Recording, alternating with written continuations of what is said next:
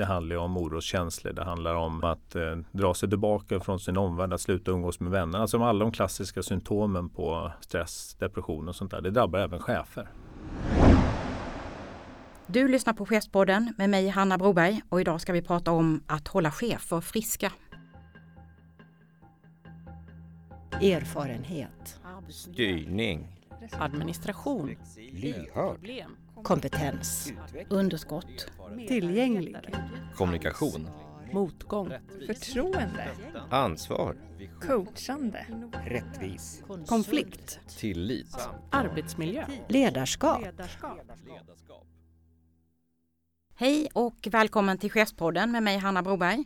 Chefspodden görs av Svensk Chefsförening och Akademikerförbundet SSR. Och idag är vår gäst Peter Munk av Rosensköld som är VD på Sveriges företagshälsovård. Välkommen Peter! Tack Hanna! Tack! Kul att du är här. Eh, jag tänkte så här, jag ringde dig och kontaktade dig därför att eh, det kom en rapport från Saco här för eh, ett litet tag sedan, ett par veckor sedan, som handlade om chefers ohälsa. Ja. Och jag tänkte att det skulle vara spännande att prata med dig om det. Berätta lite först, vad gör du och vad gör Eh, Sveriges företagshälsovård? Du får presentera er lite. Sveriges företagshälsovård är företagshälsovårdens branschorganisation. Vi är en eh, liten, jag brukar säga partipolitiskt obunden organisation eh, som består av både privata företagshälsor, inbyggda företagshälsor i kommuner och landsting och även i, i eh, privata företag. Eh, vi har unik hög anslutningsgrad. Vi är, som vi brukar säga, 98 procent av omsättningen i branschen tillhör oss. Eh, utav de företag som uppfyller våra medlemskrav, alltså de som kan kalla sig för företagshälsovårdare. Eh, sen finns det ett antal hundra till eh, olika typer av företagsorganisationer som kallar sig för företagshälsovårdare men eh, de platsar inte hos oss. Och du är VD, vad har du gjort förut? Har du varit chef länge och sådär? Ja, jag är VD nu sedan tre år mm. på det här bygget. Innan dess har jag jobbat med HR och HR-frågor i 20 plus år innan jag fick den här positionen. Eh, och har varit chef i, sen, eh, i någon form sedan 2004 i olika storlekar och grupper. I allt ifrån mindre grupper i faktiskt den minsta arbetsgruppen här nu, där vi är tre personer, eh, till den största där vi, har, där vi var totalt 50. Ja. En bred chefserfarenhet också. Ja. Jag tänkte så här när du tittar på vad dina medlemsföretag gör då när, när ni jobbar med chefers ohälsa. Kan du beskriva liksom din bild liksom av läget? Hur, hur mår chefer idag? Chefer idag eh, mår som resten av befolkningen, på att säga. Eh, många var väldigt, väldigt bra, älskar sitt jobb, utvecklas, tycker det här är det mest fantastiska som finns i livet. Men sen så har vi också en hel stor grupp som faktiskt inte mår särskilt bra.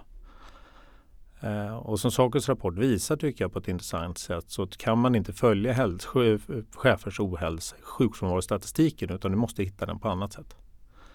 Och det som oroar, oroar mig mest med den rapporten är att faktiskt det är i välfärdssektorn, eh, de faktiskt eh, rätt samhällskritiska funktioner vi har, det är där folk mår sämst. Det oroar mig väldigt mycket. Och jag tycker också när man tittar på den här eh, rapporten, det handlar ju mycket om att det är, det är hög arbetsbelastning och det är precis alltså vård, skola och omsorgssektorn, mm. eh, eh, offentlig sektor och att det är liksom, där ser vi ju också bland våra medlemmar att det, det gäller både medarbetare och chefer att det är hög arbetsbelastning. Men det är också väldigt stor skillnad när det gäller eh, män och kvinnor, att, att det är liksom tre gånger så många kvinnor som upplever en hög press eller mm. stor press i, i, sitt arbete. Har du någon liksom tanke kring den ja, skillnaden? Dels så tror jag att det här, vi pratar rätt ofta om hög arbetsbelastning men jag är inte övertygad om att det är hög arbetsbelastning som är problemet. Jag har fått lära mig under de här tre åren när jag pratar med forskare och läkare och sådär, det är att de flesta människor klarar väldigt, väldigt mycket mer än vad de tror under rätt förutsättningar. Jag tror att den ohälsan vi ser och det är att folk mår dåligt handlar mycket mer om att det är dålig organisation, det är otydligt uppdrag, det är bristande resurser, kanske inte resurser men snarare bristande stödsystem runt omkring de personer som jobbar ute i framförallt offentlig sektor. Att det, är felorganiserat? Ja, det är felorganiserat. Mm. Du, har inte, du får inte rätt, eh, ja, rätt processer, rätt IT-stöd, rätt eh, support ifrån övergripande delar. Du, så. Mm. Det är det jag tror det beror på väldigt, väldigt mycket mer. Mm. Och det drabbar kvinnor mer eller det beror på Ja. att kvinnor är i vissa branscher där det är Ja, alltså, kvin- alltså, jag tror att om vi nu tittar på hur hur svenska arbetsmarknaden är strukturerad, menar, där kvinnorna finns i offentlig sektor, i välfärdssektorn och männen finns i industrisektorn. Så ur den aspekten tror jag att det är precis som all annan sjukfrånvaro. Det är såklart att att eh, män är friskare därför att deras arbete är bättre organiserat, leds bättre och det finns bättre förutsättningar där än vad det finns i många kvinnodominerade yrken. Därför mår kvinnor sämre eh, även här då, tror jag. Det är ett Ja. jämställdhetsproblem snarare än någonting annat. Ja. Ja men det är, och det är intressant att se det så, se vad man då kan göra åt det. Eh, jag funderade lite grann på, man skulle ju helst vilja liksom prata om att liksom, hur håller vi chefen frisk? Men om vi börjar med liksom när chefer mår dåligt då, vad, vad är det som händer? För vi kan ju se i lite av våra undersökningar egna att det, man rapporterar om ja, till exempel sömnsvårigheter, att det kan vara eh, liksom andra saker, rätt mycket psykosocialt eh, Mm. som, som chefer drabbas utav. Svårigheter att koncentrera sig och sådär. Eh, vad, vad, ska man vara på, på vakt som, som, som chef? Liksom? Eh, det är kanske rätt svårt att sänka garden och tänka liksom jag mår dåligt, jag har fokus Ja, ja, på ja. verksamheten. Jo men så är det. Jag menar, alla som varit chefer vet ju att ja, men det finns ju en prioritering och det är ju att se till att verksamheten leds och drivs. Eh, sen så kommer rätt mycket annat på femte, sjätte, sjunde hand. Sådär. Och en, sitt eget mående det brukar hamna på plats 10 eller så. Mm. Om man har otur. Mm. Jag tror att man ska på det så måste man väl tänka att man som chef är också människa precis som alla andra människor vilket gör att man har precis samma reaktioner som alla andra. Mm. Eh, Det är ett lite mer komplicerat förhållande att faktiskt prata om det ibland men som jag hoppas vi återkommer till. Men det jag tror eh, är att handla, det är ju första tecknet är att man sover för lite. Eh, Det handlar om oroskänslor, det handlar om om att eh, dra sig tillbaka från sin omvärld, att sluta umgås med vänner. Alltså alla de klassiska symptomen på stress, depression och sånt där. Det drabbar även chefer. Det tycker jag man ska vara uppmärksam på som chef. Men framförallt måste omgivningen vara uppmärksam på det. Både ens, ens familj och vänner men även chefens chef. Men jag tycker också att man som medarbetare har ett ansvar faktiskt att titta på sin chef ibland och se och fundera på okay, hur, hur mår den då? Om inte annat för att jag som medarbetare är beroende faktiskt av att ha en rätt schysst och fräsch chef för att jag ska kunna göra mitt jobb. Så kan det vara bra att hålla ibland koll på sin egen chef och fundera på hur den mår. Mm. Och jag kan underlätta för den att må bättre. Så de där vanliga sakerna, om vi pratar om att hålla chefen frisk så är det rätt mycket det där vanliga. Motionera, sociala relationer och allt det där Ja, andra ja. som arbetstider och kunna koppla ifrån sitt jobb så gott det går också. Ja, ja, alltså om du tittar på, jag tror väldigt mycket på att, att det handlar om att bygga rätt förutsättningar i hela organisationen och det omfattar ju även både chefer, ledare, medarbetare, alla i en organisation. Och det handlar väldigt mycket om att du skapar balans mellan krav och kontroll i jobbet förstås. Men det handlar ju också om att du skapar ett klimat där man faktiskt vågar prata om den här typen av frågor. Att man pratar igenom oerhört viktiga värderingsfrågor på arbetsplatsen. Ja, I dagens gräns, gränslösa arbetsliv där arbetet pågår dygnet runt och även privatlivet pågår eh, dygnet runt så behöver man prata igenom frågor kring vad förväntas av mig som chef? Mm. Vad förväntar jag av mina medarbetare? Är det så att min chef, chef jag som chef, att min chef förväntar att jag svarar på mejl klockan 10 på en lördagkväll? Eller är det inte det? Nej. Alltså hur skapar vi rätt förutsättningar? Också en förståelse för att människor är olika. Mm. Men man måste prata om de här frågorna, det är oerhört viktigt. Jag tror att på många arbetsplatser saknas det samtalet om förutsättningarna. Vad är okej och inte okej? Vad passar mig och vad passar dig? Hur ska vår relation fungera optimalt? I frånvaron av den relationen och de samtalen tror jag också skapar ohälsa. Ibland kan man ju också uppfatta att det liksom när man läser en del eh, chefstips eh, eller chefsmagasin Mm. och så, så är det ganska mycket yta. Det, är liksom, det ska vara det där tuffa, eh, man ska klara mycket och, och liksom man ska hålla ut och man ska bita ihop lite grann. Så det finns en slags chefskultur, kanske mellan chefer också, som är lite, Ja. lite för tuff. Ja, men alltså jag vart ju chef att jag tyckte om att, att bestämma. Jag tyckte om att inflytande, jag var lite konkurrenskarriärinriktad och jag tror det stämmer, kan stämma överens på en del andra också. Och det innebär att man har vissa beteenden. Man är van att ta rätt mycket och att pressa sig själv kanske strået lite längre än vad man kanske trodde var möjligt själv. Så att det är inget konstigt att det är så tycker jag. Eh, men jag tror också att det beteendet måste kompletteras med goda relationer runt omkring en. Eh, att man faktiskt har ett bra chefsgäng runt omkring sig som jag kan faktiskt både prata om bra saker men om saker som kanske inte går så bra. Eh, att det faktiskt är okej att erkänna att ibland misslyckas man. Det är inte perfekt varken hemma eller på jobbet jämt. Eh, och faktiskt också ta sig tid att reflektera över sitt arbete, sitt mående och sin verksamhet. Och göra det kanske tillsammans med goda chefskollegor och sin chef. Men det bygger ju på att relationerna fungerar. Det är inte alltid det är så. Och det är där jag tror att, att eh, ni som facklig organisation och en del andra kan göra rätt mycket för att uppmärksamma den typen av faktorer på arbetsplatsen. Det handlar inte om rutiner och processer och, och men det handlar väldigt mycket mer om relationer. Tror jag, på det handlar mycket om relationer ja. Ja, och kulturen. Ja, kultur och relationer. Mm. Jag funderar på när man då ser hur ohälsostatistiken ser ut och sådär och det handlar mycket om att det, det, är en dålig arbetsmiljö. Då gissar jag att, att eh, dina medlemsföretag eh, går in i den typen av situationer och ja. hjälper till med råd och så. Liksom, vad kan arbetsgivarna göra för att vända när situationen ser ut så? Både med medarbetare och chefer naturligtvis, hur statistiken ser dålig ut. Ja, eh, det ska man ha klart för sig att den statistik som finns på sjukfrånvaro, den officiella statistiken i Försäkringskassan, den är från dag 14. Mm.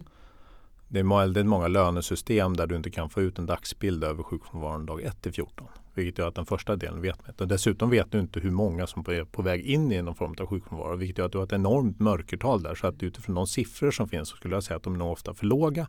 Och framförallt har om du väger in risken där så skulle man så ska man nog lägga på rätt mycket mer procent i själva risken för sjukskrivning.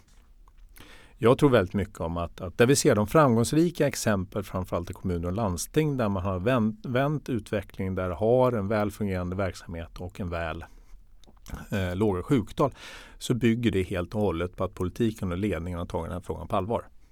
Att man diskuterar den, att man följer upp den, att man pratar om den, att man hela tiden har det på agendan precis som allting annat. Jag har läst en del intressant engelsk forskning nu som visar på intressanta samband i landstingskommunal verksamhet. Mm. Eh, som jag tror inte man tänker så mycket på när man sitter i ledningen i en kommun och landsting. Och det är att det finns ett direkt samband mellan kvalitet i vård och skador i vård och arbetsmiljö. Det, finns det är ett direkt Ja. Vilket innebär att samma sak, samma skeende eller samma, man kan ta samma slutsatser för landstingskommunal verksamhet som man drar i industriell verksamhet. Det vill säga att det finns ett direkt samband mellan, är det så att vi lägger ner mycket energi och kraft och tankeminne på hur arbetsmiljön, relationer, hur den fungerar, hur vi får människor att prestera bra på jobbet. Ja, då får vi automatiskt upp kvaliteten i den verksamhet vi bedriver. De kommuner som har förstått det här, de slår ju två flugor i en smäll. Mm. Låga sjuktal, låga kostnader, låg personalomsättning. Människor stannar kvar länge, det vill säga att du håller koll på personalkostnader samtidigt som du ökar kvaliteten. Och det, vore ju, det är ju precis det alla letar efter. Men det kräver att man som ledning och styr, politisk styrning tar ett grepp över det här mm. och förstår de här sambanden. Ja, men är man första linjechef i en omsorgsverksamhet så förstår man de här sambanden. Man ser det. Det är såklart man ser det. Liksom. Problemet är att det där, och det har jag funderat mycket på, hur det kommer sig att den, den kunskapen och tron på det försvinner ju högre upp man kommer i organisationen. Och det är väl det som jag tror att vi alla måste bära med oss och faktiskt sprida det budskapet. Det är just att det finns ett samband mellan arbetsmiljö, en god arbetsmiljö och en god kvalitet i den verksamhet vi bedriver. Och det om något borde ju vara jätteintressant för våra politiker, tänker jag. Ja, verkligen. Och om man ser det så tydligt som man ju gör när man mm. är verksamhetsnära chef eh, eh, och inte liksom, jag gissar att det, det, är liksom bristande lyhördhet eller alltså förmåga att eh, liksom ta till sig det som sägs i, i de, de liksom signalerna och, och liksom åtgärda det på lite högre nivå uppåt i organisationen. Ja. Ja. Jag tror det. Eh, jag tror också att ja, som mellanchef så, och första linjechef så har man ett uppdrag. Man har sin budget och man har sin eh, organisation och så ska man utföra sitt uppdrag. Så är det ju. Mm. Eh, ofta finns det inte så mycket tid för att prata om de här mer filosofiska frågorna som det här handlar om egentligen. Och, och till syvende en tro och en, en, bild av vilken verksamhet man bedriver. Eh, men där tror jag väldigt mycket om att att, att som mellanchef tycker jag man ska lyfta den här frågan. Men framförallt lyfta frågan om att man tillsammans med sin chefsgäng, sin ledningsgrupp faktiskt skapar sig tid för att tänka och reflektera över de här typerna av frågor. Ja, det här är jättestrategiskt. Utmärkt tema för en verksamhetsplanering. Istället för att börja sitta, sätta nyckeltal på hur många pinnar man ska räkna så kan man faktiskt börja fundera på den här typen av verksamhet. Alltså, hur gör vi det här nu? Och hur får vi med oss de som faktiskt bestämmer de här frågorna med på tåget. Mm. Om vi fokuserar på när chefer själva blir sjuka så tänker jag att det måste påverka organisationerna enormt mycket och det är väl kanske också lite därför chefen ja, ja. drar sig för att själv bli sjuk och håller ut ganska länge. Och så. Ja, ja. Därför Visst. att man vet att det händer mycket i organisationen. Ja, ja, det är ju såklart. Menar, man, man är ju där som chef och framförallt som de flesta chefer är oerhört engagerade och älskar sitt arbete på gott och ont. Så eh, vill man ju hålla ut så länge som möjligt. Ofta därför att man vet det är två saker. Man vet ju själv vad händer om jag försvinner. Mm.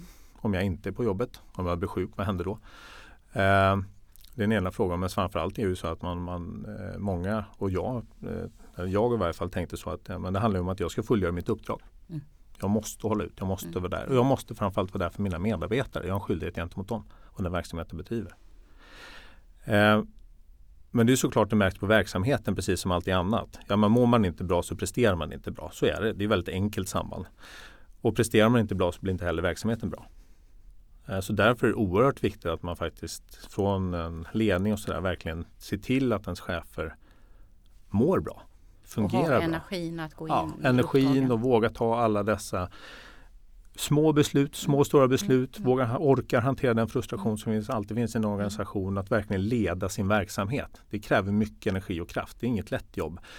Eh, Så att därför tycker jag att ledningar och styrelser borde göra mer i den frågan. Och om man då tänker att det är ett ganska stort steg som chef att eh, ta sig till företagshälsovården och, och liksom se, jag är sjuk, jag behöver ta hjälp och så. Vad, vad, vad händer när en chef blir sjuk? Eh, vad, vad gör man liksom? Vad, vad händer hos er hos företagshälsovården då?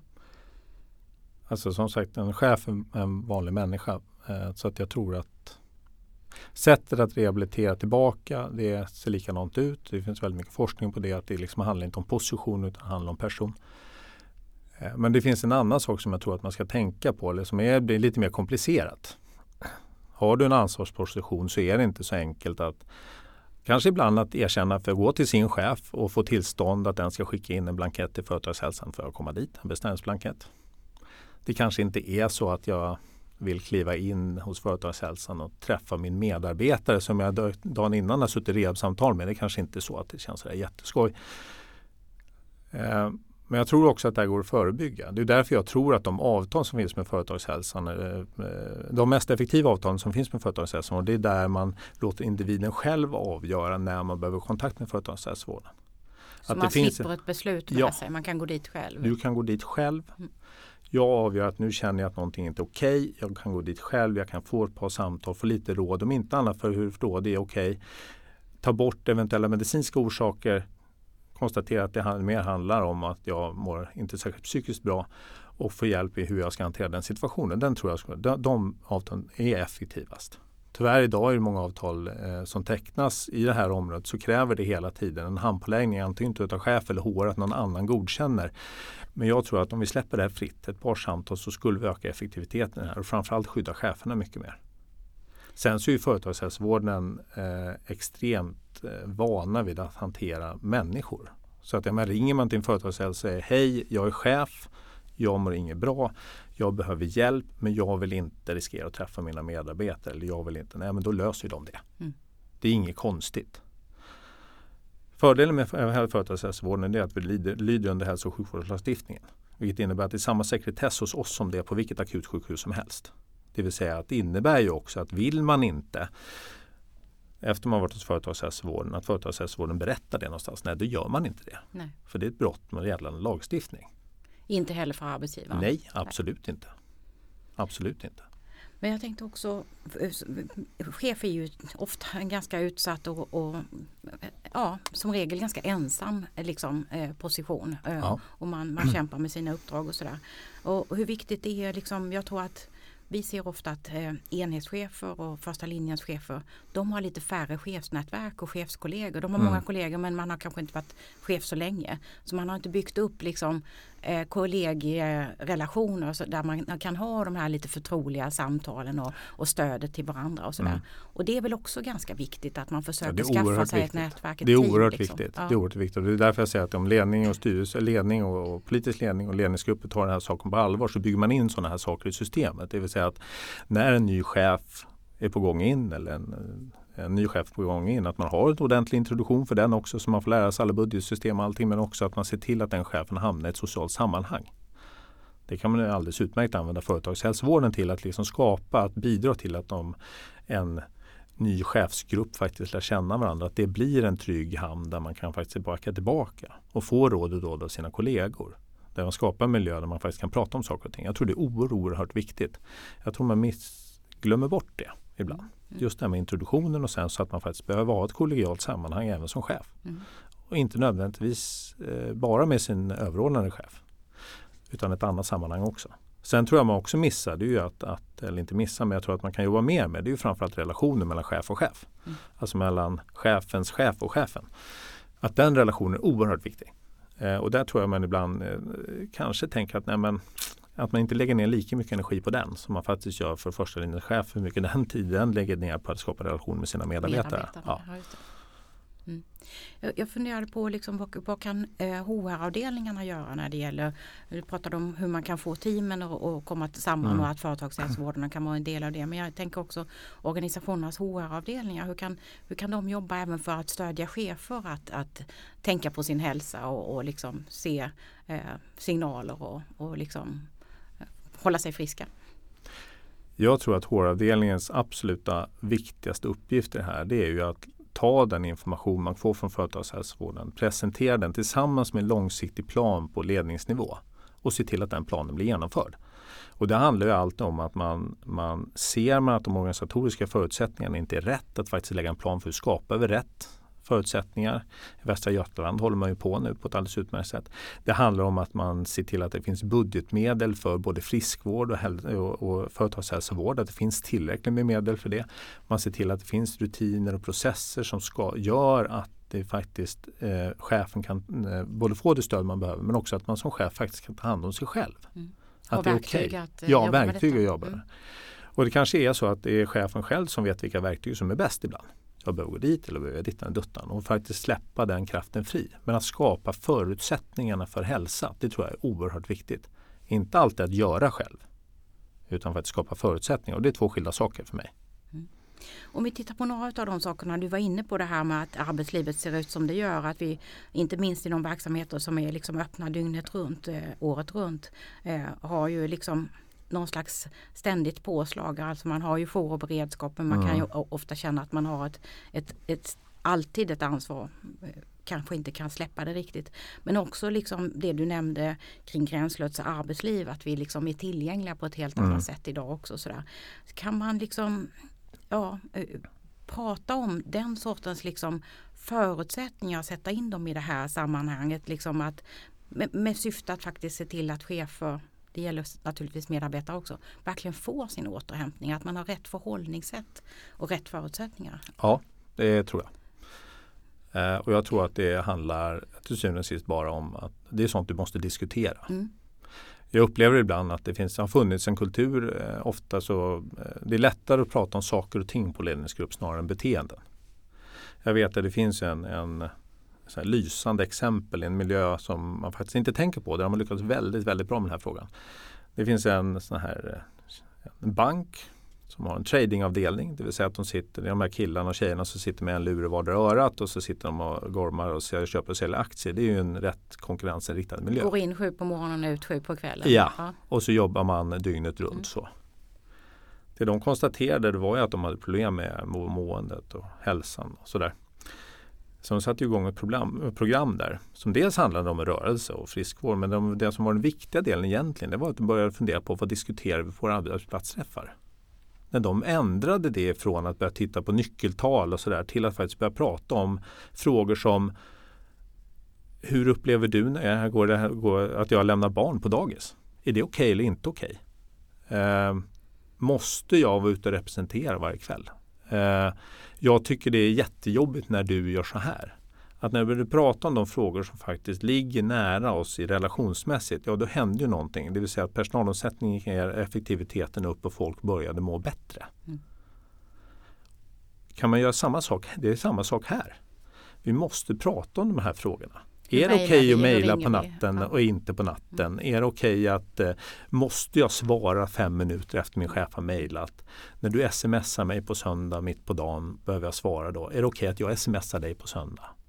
Det är de här frågorna man måste prata om och Och faktiskt göra upp och ha en gemensam Ja, strategi kring man det. måste göra upp med det. precis. Därför det är olika.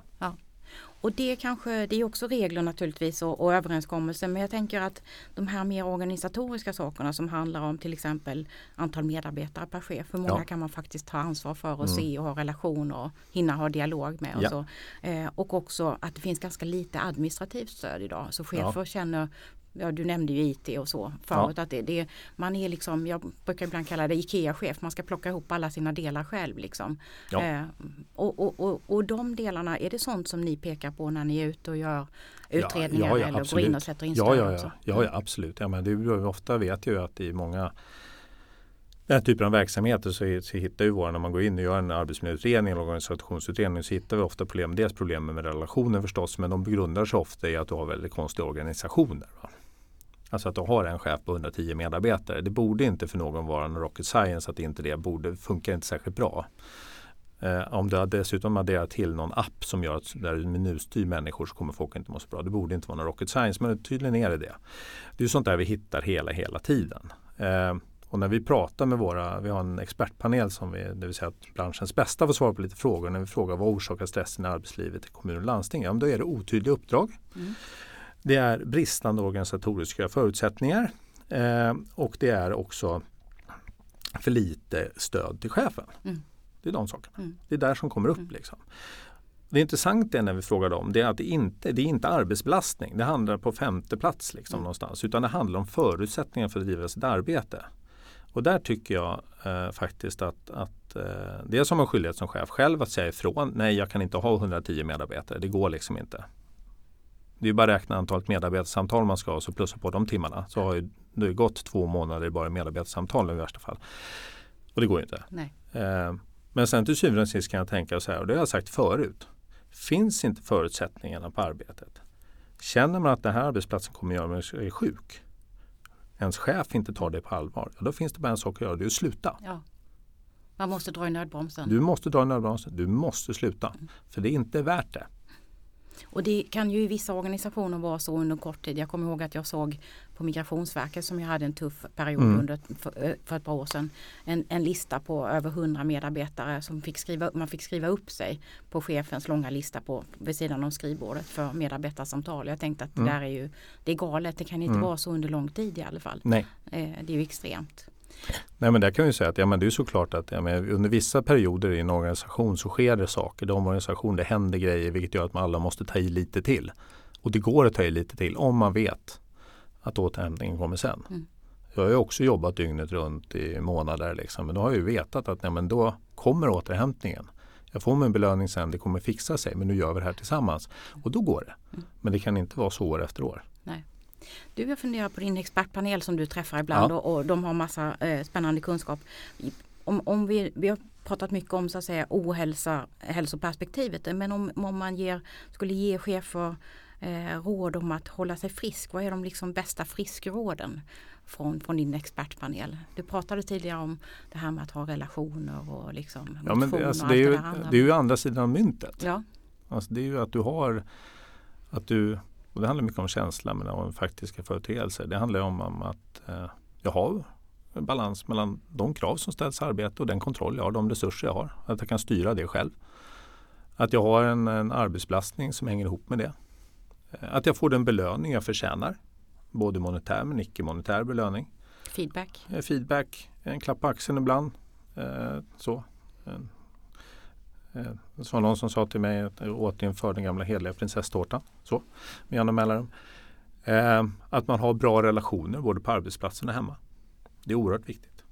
Och det vi, och anledningen till att jag nämner det här med hemma det är för att det vi ser också att, att när det fungerar bra hemma och på jobbet ja, men då skapar du hälsa. Just det. Det är det som är så intressant. De två ihop skapar hälsa.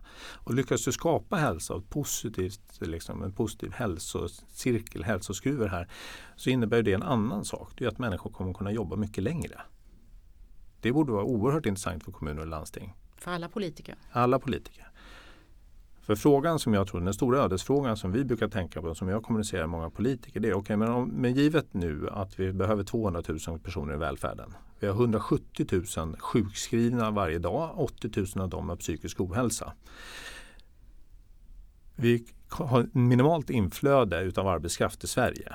så måste vi jobba med två saker. Dels att de som är sjuka kommer till, äh, sjukskrivna kommer tillbaka till arbetet. Men sen måste vi se till att folk faktiskt kan, kan jobba mycket längre. Och jag funderar rätt mycket på jag menar, hur ska Peter Munk, jag, hur ska min chef, hur ska min omgivning se till att jag är välfungerande både kognitivt men också fysiskt och emotionellt tills jag kanske är 75 år så att jag faktiskt kan ge ett bidrag på arbetsplatsen. Och det kan ju inte bara gälla professorer och läkare som det är idag. Nej. Utan det måste också gälla alla som jobbar i vården och omsorgen, undersköterskan, socialsekreteraren och sådär. Mm. För lyckas vi inte med det så kommer vi inte ha någon som kan utföra arbetena. Det kommer vara tomt på arbetsplatserna. Verksamheter utan folk finns Ja, ju nej, inte. nej, det gör ju inte det. Liksom. Det går inte att automatisera allting trots allt. Så det tycker jag att, att eh, det är en ödesfråga för Sverige. Spännande. Det är ju jätteviktigt att chefer verkligen funderar på och liksom se till att prioritera sin egen hälsa också. Eh, och att man har rätt förutsättningar och jag tänker att när du säger att man kan kanske tvingas dra i nödbromsen. Då vill jag bara liksom avslutningsvis säga att behöver man sådana råd och så så kan man självklart vända sig till er på företagshälsovården kring det. Men också att man ringer till, till oss som medlem på chefdirekt då på 08 617 4400 och prata med våra chefsförhandlare och, och eh, stöd i hur man ska tänka och sortera de där sakerna. Så, eh, varmt tack för vårt samtal Peter Munkabo Rosensköld på Företagshälsovården. Tack Hanna.